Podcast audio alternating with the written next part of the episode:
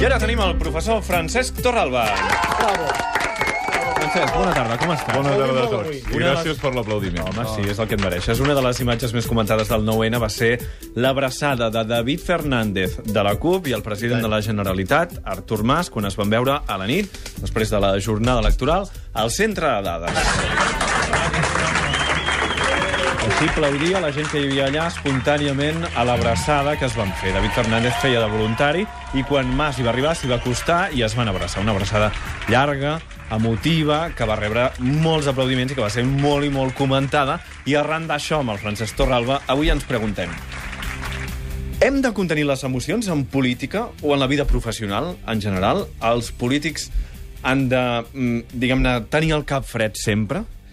Aquesta és la pregunta que avui llancem. I la resposta general quina seria? Francesc? Mira, la resposta és que estic dividit. Perquè d'una banda entenc que en tant que éssers humans doncs, han d'expressar les seves emocions i si s'abracen i ploren i canten i aixequen els braços quan guanyen i fan cara de pomes agres, no? O quan es perden, no? Però d'altra banda, hi han emocions com la indignació, el rancor, la ira, l'enveja, la gelosia, que si no es contenen intoxiquen el teixit social, intoxiquen els mitjans, intoxiquen la vida col·lectiva de quina manera. Per això jo diria, no volem que siguin emocionalment neutres, però en canvi entenem que hi ha emocions que seria molt millor contenir. En canvi, una abraçada jo no crec que sigui problema. Un plor jo no crec que sigui problema.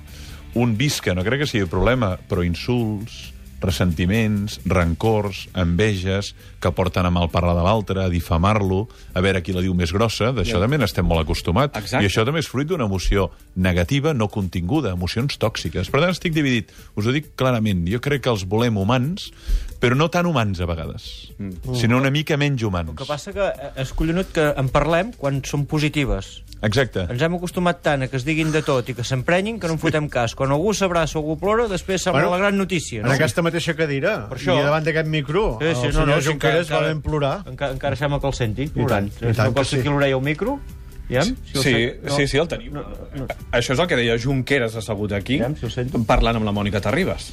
En aquell moment que s'emocionava. Fem-ho fem d'una vegada. Si us, si us plau, eh, jo ho demano amb, amb esperança i al mateix temps també eh, amb l'angoixa d'aquell que sap que perdre el temps no és bo. Sí. Feia patir, eh? Se li trencava la veu. Sí, però jo crec que no feia comèdia ni feia l'istrió, eh? Tampoc el conec personalment per poder afirmar una altra cosa, no? Però em sembla que no feia comèdia i que això humanitza, això forma part de la condició humana. És a dir, que una persona es desfaci en plors, que una persona s'emociona a l'acomiadar-se d'una feina on ha estat 40 anys, al deixar un escó al Senat on ha estat 20 anys. Tant això jo crec que no ho hem de contenir. Ara, contenir les tòxiques per les conseqüències que tenen, jo crec que guanyaríem molt amb salut democràtica, amb higiene social, amb higiene als mitjans de comunicació, perquè si no anem a aquestes acció-reacció de declaracions incendiàries que són fruit de la incontinència emocional Però encara que, que, molts siguin, pateixen. Encara que siguin positives, no hi ha d'haver cert límit, perquè a Junqueras, per exemple, sentir-lo plorar, molta gent eh, de les crítiques que va haver, algunes anaven de cara que mostrava feblesa i potser no és el moment polític en què es pot mostrar.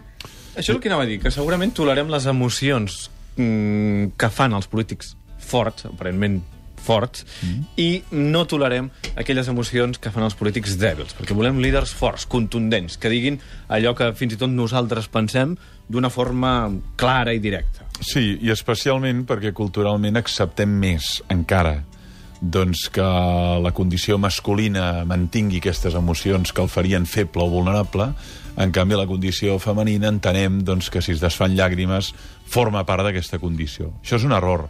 És un error greu, però encara aquests patrons culturals, aquestes visions de la cosa per, romanen, no?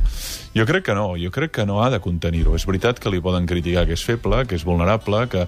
però és que tots ho som tots ho som. Aquestes persones que treballen 20 hores i estan cada dos per tres donant la cara al públic i que són objecte d'un munt de crítiques, també són éssers humans i, per tant, també es desfan.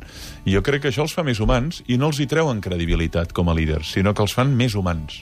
En canvi, en el cas de David Fernández de l'Abraçada, moltes de les crítiques que va rebre no tenien a veure amb feblesa o no, sinó eren més polítiques, que com el líder d'una esquerra radical pot abraçar-se amb uh, Mas, uh, encara que sigui per, per un motiu així. No sabem separar que aquell és un moment d'emoció, que és normal que s'abracin, de la política, de la feina? És el que hauríem de saber fer, perquè aquesta abraçada, que era molt sincera i molt profunda, no era de cortesia, es, es veia clarament, expressava que hi havia hagut un itinerari de sofriments molt llarg, que finalment allò s'havia fet realitat, i que dues persones amb perspectives socials i econòmiques tan distintes, jo diria, a les antípodes un de l'altre, havien estat capaços d'unir-se amb una causa comuna. I això, senzillament, era gaudir d'aquest èxit compartit. Ara, d'aquí a treure que hi ha una aproximació de la CUP a Convergència, escolti, senzillament són dues persones que han treballat molt per fer realitat una cosa i que la celebren espontàniament d'aquesta manera, sense cap tipus d'impediment. I aquest polític japonès que havia de dimitir perquè l'havien enxampat en un cas de corrupció?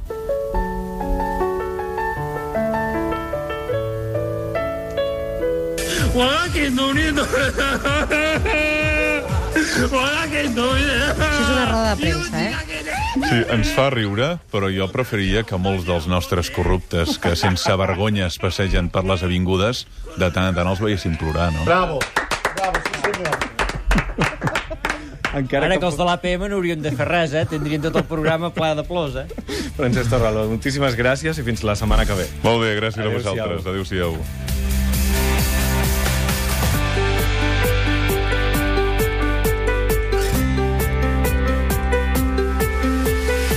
La tribu de Catalunya Ràdio, amb Xavi Rossinyol.